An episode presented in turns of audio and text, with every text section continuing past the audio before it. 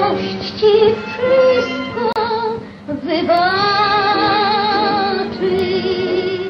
smutek zamieni ci w siebie. Cześć! Dzisiaj udajemy się trochę bliżej naszej współczesnej historii, choć jednak nadal dosyć daleko. E, Zwłaszcza dla młodszej części słuchaczy, chociaż tych mam niewielu. To jest raczej kanał, wiecie, dla emerytów. Otóż e, będę dzisiaj opowiadać o Hance Ordonównie. Myślę, że e, większość z Was, którzy to słuchają, wiedzą, kim była Hanka Ordonówna i kojarzą jej wykonanie miłości, wszystko wybaczy, e, tudzież kilku innych szlagierów przedwojennej Polski.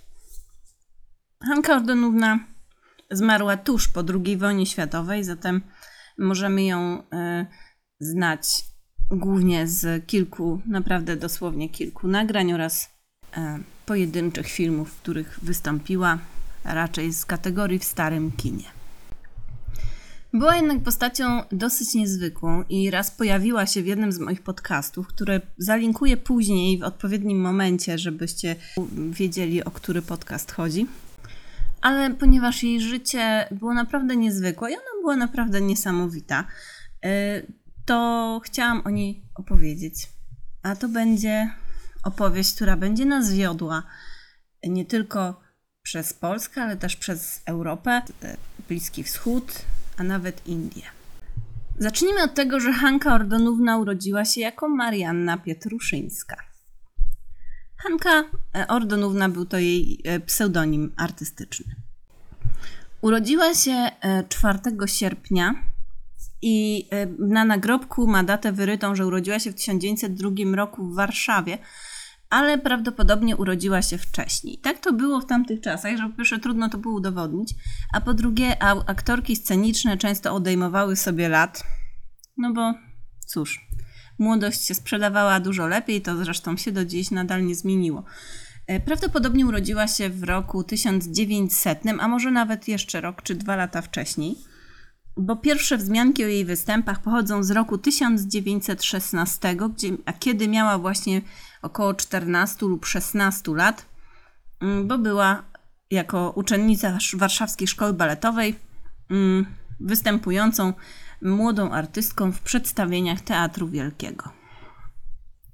Więc prawdopodobnie urodziła się no, najpóźniej w 1902 roku, ale prawdopodobnie jednak trochę wcześniej. Była córką Władysława Pietruszyńskiego i Heleny Bieńkowskiej. Jej ojciec był po prostu kolejarzem. e, Matka, z tego co mi wiadomo, chyba po prostu zajmowała się dziećmi. W dzieciństwie mm, Hanka, będę mówić o nią Hanka, bo takiego imienia używała, choć mm, urodziła się z imieniem Marianna. E, Hanka uczęszczała właśnie do szkoły baletowej przy Teatrze Wielkim w Warszawie. I ten debiut, o którym mówiłam, miał, miała właśnie, kiedy miała prawdopodobnie 16 lat, y, w teatrze kurewiowym takim. Nazywał się Sfinks. I ten debiut y, wypadł bardzo nieszczęśliwie, y, no bo mm, no nie został przyjęty zbyt życzliwie. No prawdopodobnie no, Hanka była jeszcze niewyrobiona, nie została zbyt dobrze przyjęta przez publiczność i tam pewien znany krytyk, który był wtedy jakby wyrocznią, napisał: Jeśli chodzi o pannę Ordonównę, y, jestem zdania, że kotów i dzieci na scenie pokazywać nie należy. Była to taka aluzja do tego, że po pierwsze Hanka wyglądała bardzo dziecinnie i miała bardzo piskliwy wtedy jeszcze głos. Ten głos się zmieni na troszeczkę niższy z powodu jej choroby, która będzie zarówno przekleństwem, jak i w pewnym sensie darem. Tak jak widzicie, Hanka przyjęła ten, to nazwisko Ordonówna bardzo wcześnie. Widocznie uznała, że nazwisko Pietruszyńska nie jest e, szczególnie sceniczne. No prawdopodobnie troszeczkę miała w tym racji. Przy czym na początku y, na, y, kazała się nazywać Anną Ordon, dopiero później jakby ewoluowało to w Hankę. Kiedy odeszła z tego właśnie teatrzyku y, takiego rewiowego Sphinx, przeszła do teatru w, Lub- Lublin, w Lublinie, nazywał się Wesoły Ul.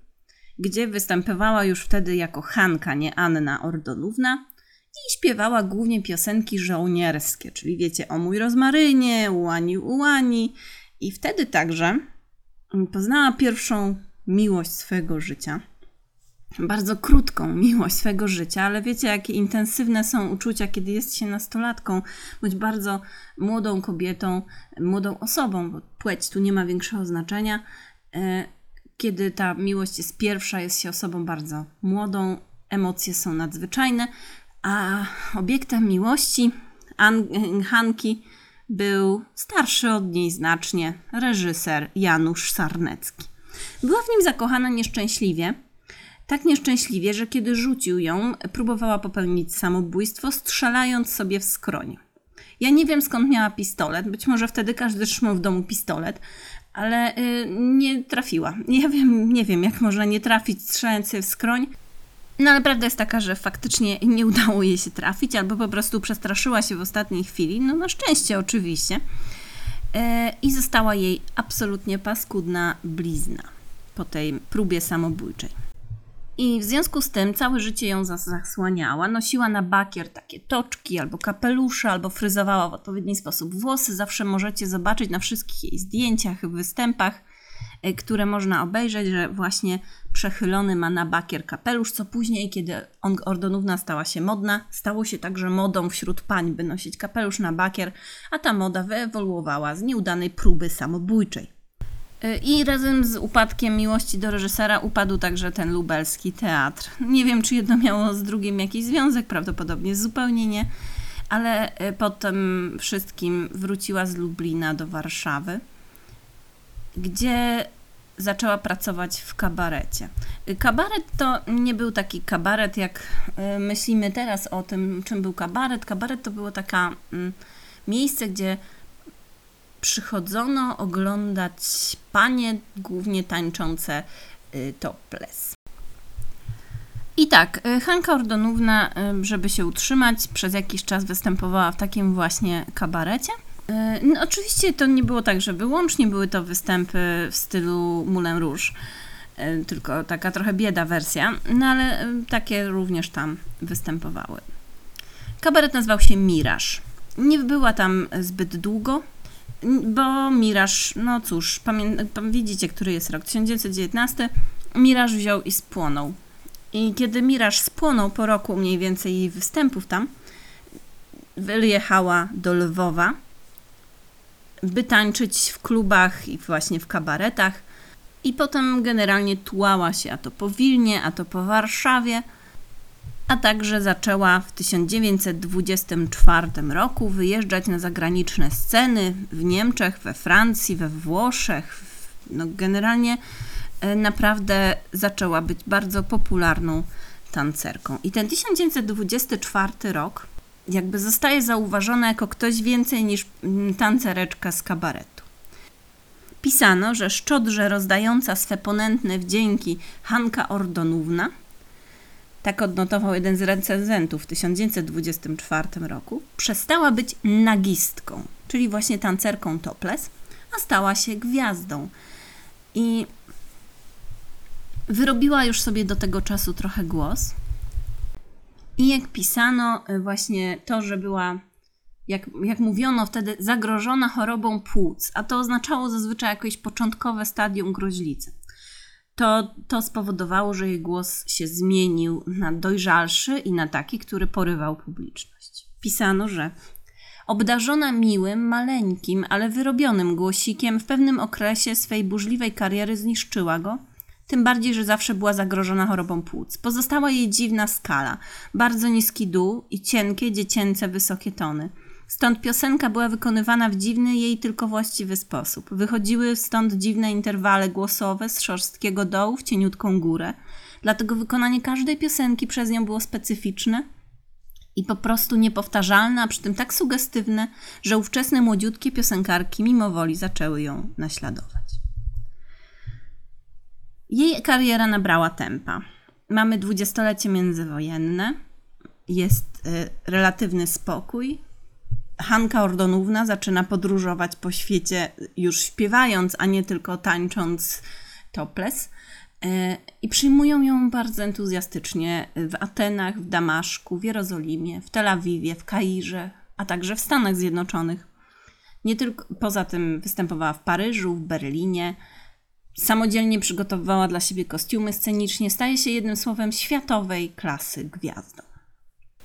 Śpiewa także e, piosenki żydowskie. Jest taka jej dosyć miła repre- e, interpretacja Mein Yiddish Mamy, bardzo e, poruszająca, poruszające wykonanie. Zaczyna debiutować także w filmie niemym. Wszyscy być może, e, jeśli kojarzą jakikolwiek film, w którym wystąpiła Ordonówna, to był taki film, który nazywał się Szpieg w masce. On był z 1933 roku e, i tam właśnie śpiewa piosenkę Miłość ci wszystko wybaczy. Ale nie wybiegajmy tak daleko w przyszłość do tego filmu w 1933 roku, bo wcześniej poznaje ona swojego męża. Tyszkiewicz wielbił ją. Zakochał się w niej jako w artystce. Napisał, był zresztą e, artystą także. Napisał zresztą dla niej tekst piosenki Uliczki, Uliczka w Barcelonie do melodii argentyńskiego ta, tanga e, i zaniósł ją dyrektorowi kabaretu Qui Pro Quo, który dał go ordonce.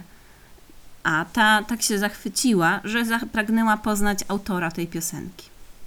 E, Tyszkiewicz był eleganckim i elo- elokwentnym mężczyzną. Zaprosił Ordonkę na kolację i stało się początkiem wielkiej miłości. Michał Tyszkiewicz, y, wszyscy bardzo mm, złośliwie piszą o Ordonównie, jako tej, która go zdradzała na wszystkie strony, bo oczywiście romanse mieli oboje, zarówno Michał, jak i Ordonówna.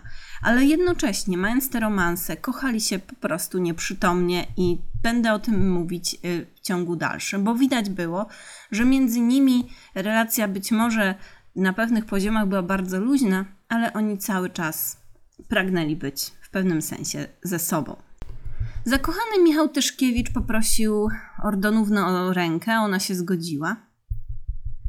Yy, Na drodze stało jedynie to, że ponieważ Michał Tyszkiewicz był hrabią, choć wtedy hrabiostwo znaczyło już coraz mniej, to, y, a Ordonówna była, wiecie, artystką, córką kolejarza. Na dodatek artystki sceniczne to było coś mniej więcej na poziomie prostytutek w rozumieniu bardzo wielu osób w ówczesnych czasach. Zatem rodzina hrabiego Tyszkiewicza no, nie była specjalnie zachwycona wyborem Michała. Dla nich był to właściwie mezja, mezalians. Romans z kobietą z, kawa, z kabaretu mógłby jeszcze jakoś ujść, no panowie się muszą jakoś bawić, no ale małżeństwo to było zdecydowanie dla nich za dużo. I długo rodzina Tyszkiewicza nie mogła zaakceptować tego wyboru, bo jak to tak? Dziedzic potężnej fortuny magnatów kresowych poślubi tancereczkę, kolejarza, córkę. Zwłaszcza, że należący do hrabiego majątek wynosił aż 15 tysięcy hektarów. Jak wiemy, e, później wybuchnie II wojna światowa i majątki hrabiowskie już niewiele będą mogły znaczyć, no ale jesteśmy ciągle w dwudziestoleciu międzywojennym. Tyszkiewicz niespecjalnie przejął się chyba problemami rodzinnymi, bo poślubił Ordonownę 26 marca 1931 roku w kościele Świętego Krzyża w Warszawie. Złośliwi piszą, że zrobił błąd, jednak patrząc na ciąg dalszy tej historii, mam do co do tego pewne wątpliwości. Hrabia e, przychylał nieba Ordonównie, a Ordonówna nadal rozwijała karierę. I to również było takim problemem dla rodziny Tyszkiewicza, bo liczyli, że jeśli już w ogóle musi się to małżeństwo odbyć, bo rodzina nie przybyła na ślub, tak w ogóle, Tyszkiewiczowa, e, to no, mam, mieli nadzieję, że ona skończy te swoje występy. No ale oczywiście Ordonówna miała ambicje i wcale nie zamierzała tego kończyć, a Tyszkiewicz absolutnie nie zamierzał jej w tym przeszkadzać. Właściwie dlaczego miałby? Na początku e, zamieszkali Ordonówna z Tyszkiewiczem na Litwie w posiadłości Tyszkiewiczów, ale e, Hance zaproponował współpracę Juliusz Osterwa. To był jeden z największych ówczesnych polskich aktorów i miała u jego boku zagrać w Krakowie, w Teatrze Słowackiego obecnym, wtedy Teatrze Miejskim w sztuce Szekspira na dodatek w Wieczorze Trzech Króli. Wyjazd do Krakowa na próby przygotowania do spektaklu i występy oznaczał pół roku rozstania z mężem, którego nazywała pieszczotliwie Misiu, a Misiu y, oczywiście się zgodził, bo Misiu ją kochał i pragnął jej szczęścia. I mimo, że w tym momencie Ordonówna jest już hrabiną, to jedzie występować w teatrze, co nadal jest uznawane za nieco e, obrazoburcze, ale mało tego, w międzyczasie także występowała także jeszcze w kabarecie, może już nie topless, ale nadal kabaret to było coś w rodzaju rozrywki niemoralnej, a nawet jeździła przez chwilę konno w rewi cyrkowej. Jednym słowem, cóż to z niej za hrabina. E, Tyszkiewicz akceptował jednak jej, jej aktywność zawodową po ślubie całkowicie. To było bardzo zgrane małżeństwo, jeśli chodzi o szanowanie własnych ambicji. On zresztą też e, był bardzo aktywny zawodowo i nie wyobrażał sobie, by Hanka mu miała w tym przeszkadzać, bo zresztą ona również nie zamierzała. On e, pracował w MSZ, co zresztą będzie miało później wielkie znaczenie dla ich życia. E, A więc jakby ich światy na niwie zawodowej się zupełnie rozchodziły. Tak jak mówiłam, Hanka udaje się do Krakowa na, na półroczną roz, rozłąkę z mężem, by wystąpić w teatrze u boku Juliusza Osterwy. E, I Osterwa, no, są takie pogłoski, uwiódł Hankę. A przynajmniej e, fakt, że Osterwa pokazuje się wszędzie z Ordonówną, e, stał się tematem plotek, a w Krakowie plotkować zawsze lubiano. E, Więc Tyszkiewicz na pewno o tych plotkach słyszał. Nic nam jednak nie wiadomo na temat tego, by powodowało to jakieś napięcia. Zresztą e, Tyszkiewicz również podróżował i okazję do poznawania innych kobiet miewał. Być może w ich układzie był to wyłącznie seks. W każdym razie żona Ordonówna mm, troszeczkę z Osterwą być może się zabawiła, być może była to tylko bardzo intensywna przyjaźń. No, nie mamy e, dowodów tak naprawdę na e, jakieś relacje natury erotycznej między Osterwą a Hanką, poza tym, że bywali ze sobą bardzo blisko w miejscach publicznych. W każdym razie e, Hance się Osterwa trochę znudził i podobno po tym jak Hanka wyjechała i porzuciła teatr, a, y, a tym samym porzuciła Osterwę, podobno Osterwa się załamał i leczył psychiatrycznie. Ale czy to było rzeczywiście przyczyną jego załamania? Odejście Hanki? Tego także nie wiem. Później jeszcze zresztą Osterwa proponował inne role Ordonównie w y, spektaklu Eros i Psyche, gdzie on sam miał się wcielić y, w Bożka Miłości. Przypominam, że Osterwa był także wiele starszy od Hanki, tak? E, No ale ona już wtedy odmówiła.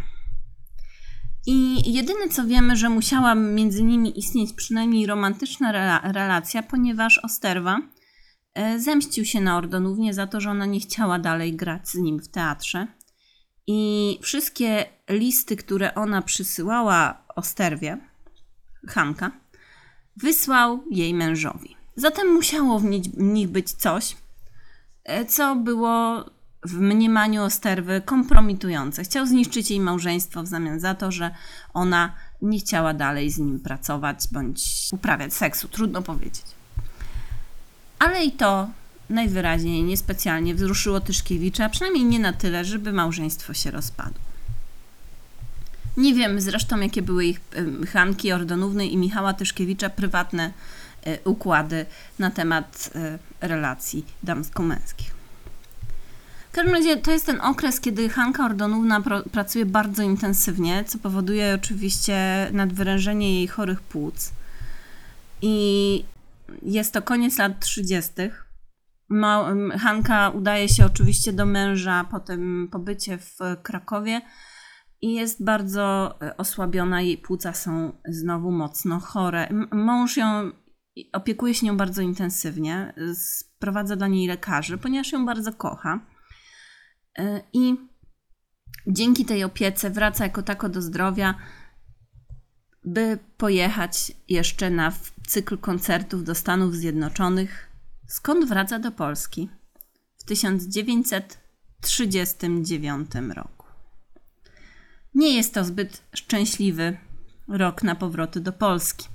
Oczywiście, kiedy przebywała e, te parę miesięcy w Stanach, bo wyruszyła zresztą na statku Batory do Ameryki na, na zaproszenie Polskiego Komitetu Emi- Emigracyjnego, e, to tam oczywiście również plotkowano o tym, że ma kolejne romanse. Ale też bądźmy szczerzy. Jeżeli ktoś jest gwiazdą, to ludzie plotkują, że ma romanse, więc może miała, może nie miała.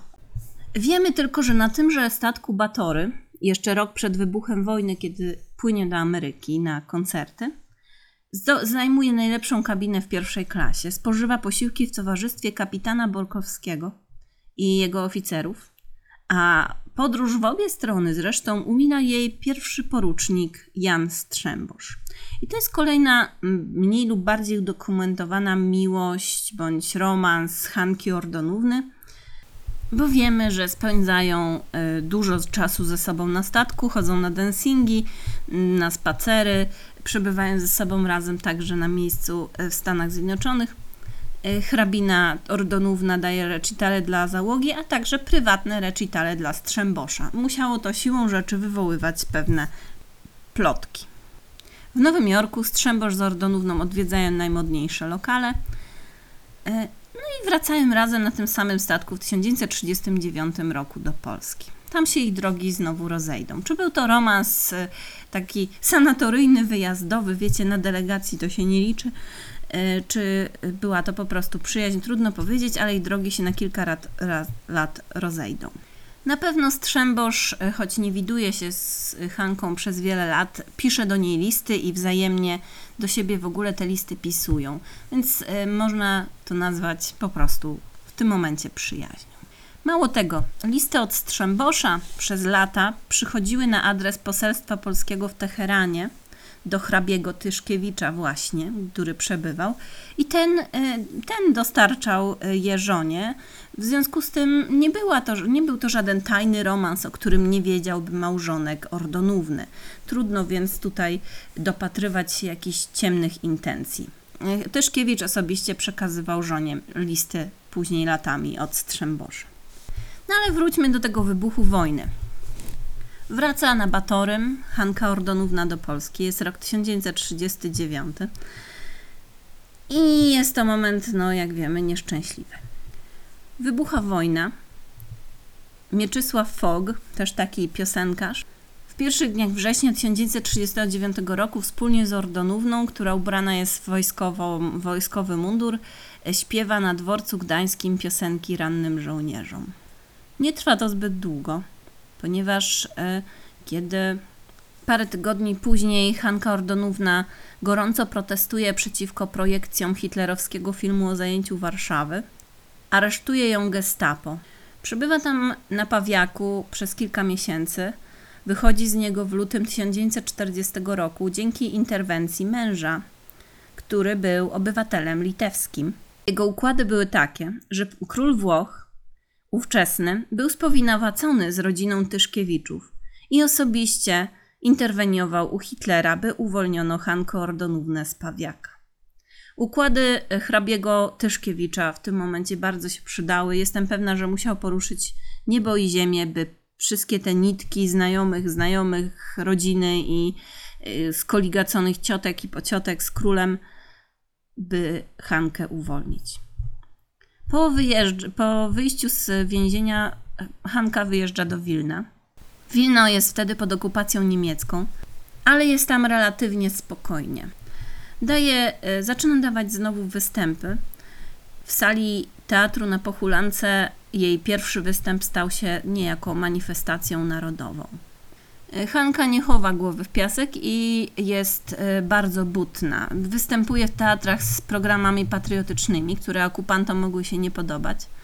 I kiedy po aneksji Litwy przez ZSRR nadal kontynuuje swoje występy, zostaje aresztowana ponownie przez NKWD i wywieziona do łagru w Uzbekistanie, a jej mąż zostaje także z powodu politycznego zaangażowania, ponieważ opiekował się obywatelami polskimi na Litwie, także zostaje wywieziony w głąb Rosji. Najpierw na Łubiankę w Moskwie, a potem dalej. W tym samym czasie władze w Moskwie chcą wykorzystać Ordonównę propagandowo i mówią jej, że wyjdzie z łagru jeśli będzie koncertować w Moskwie dla nich. I oczywiście pomogą jej przez to również odzyskać męża. I ona to robi. Y, By wyjść z łagru i by odzyskać męża, zgadza się na ten układ. Nie możemy jej winić. Sami szukalibyśmy ucieczki z koszmarnych warunków i bezpieczeństwa dla swoich bliskich. Nie trwa to długo, ponieważ y, radzieckie władze w pewnym momencie się y, rozhulały i nakłaniają ją do przyjęcia obywatelstwa ZSRR. Co już jest dla niej za wiele i Ordonówna odmawia. Więc oczywiście, cóż, zostaje ponownie po raz już trzeci w swoim życiu aresztowana, tym razem za nieposiadanie przynależności, przynależności państwowej, bo nie uznawano obywatelstwa polskiego i zostaje ze- zesłana do sowchozu y, do, tak, do tuczarni świń, gdzie ma pracować w Kujbyszewie nad Wołgą. Oczywiście warunki tam są potworne i jej e, płuca tego nie wytrzymują. Szczęście w nieszczęściu przychodzi wtedy układ sikorski-majski 30 lipca 1941 roku, kiedy przez krótki czas obywatele polscy wywiezieni w głąb Rosji mogą się z niej wydostać.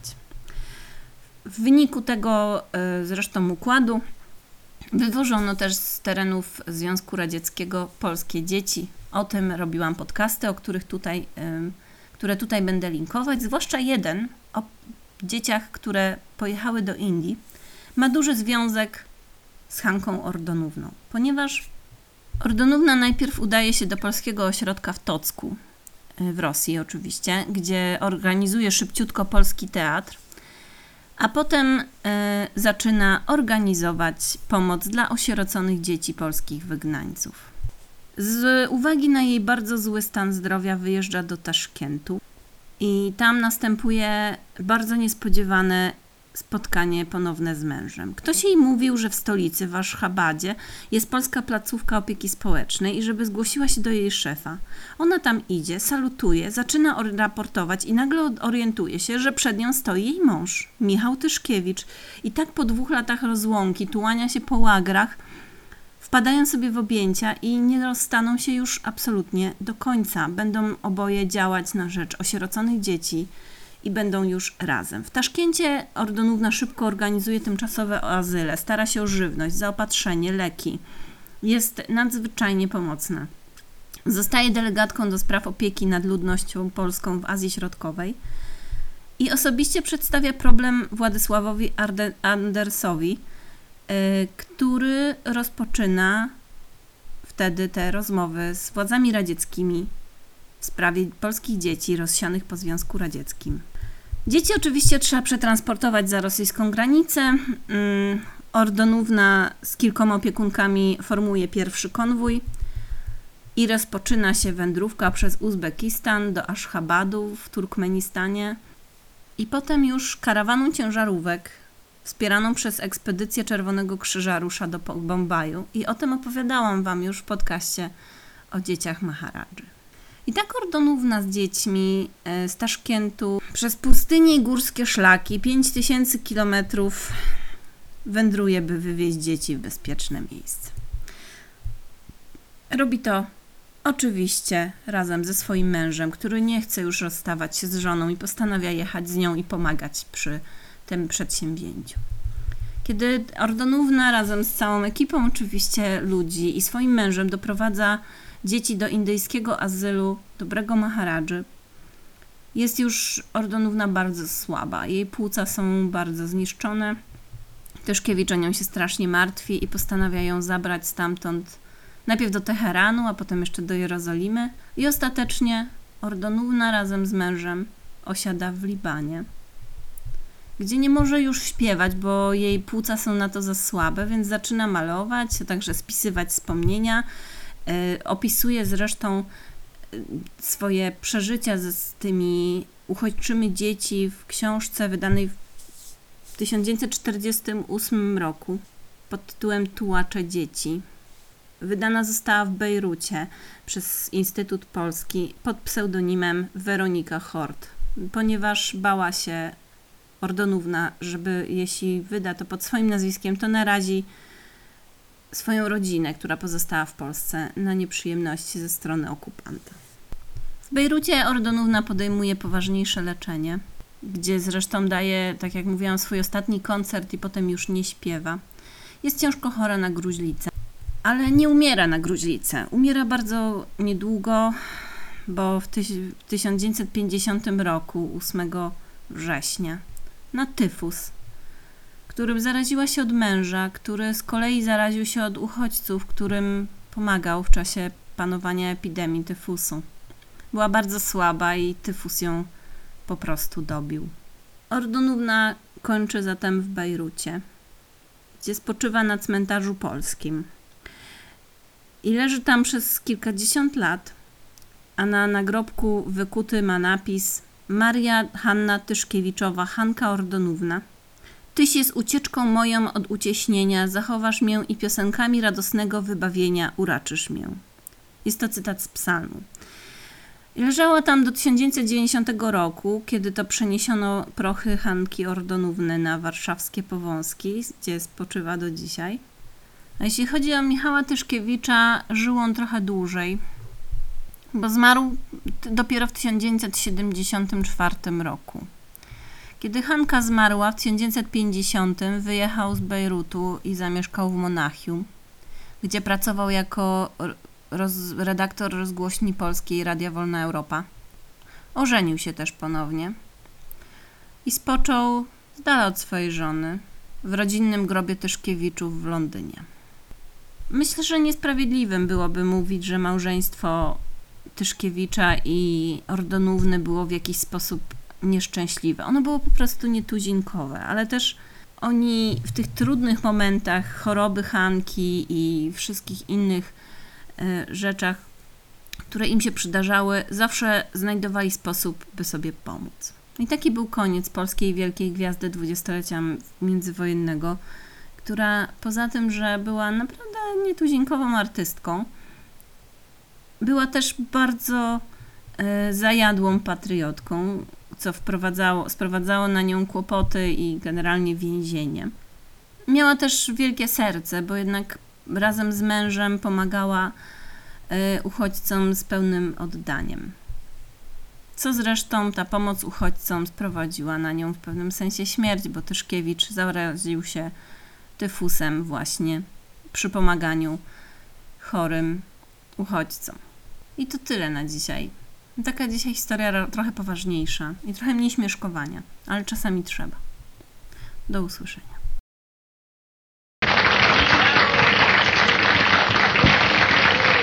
No okłamywać, to mądrzejsze jest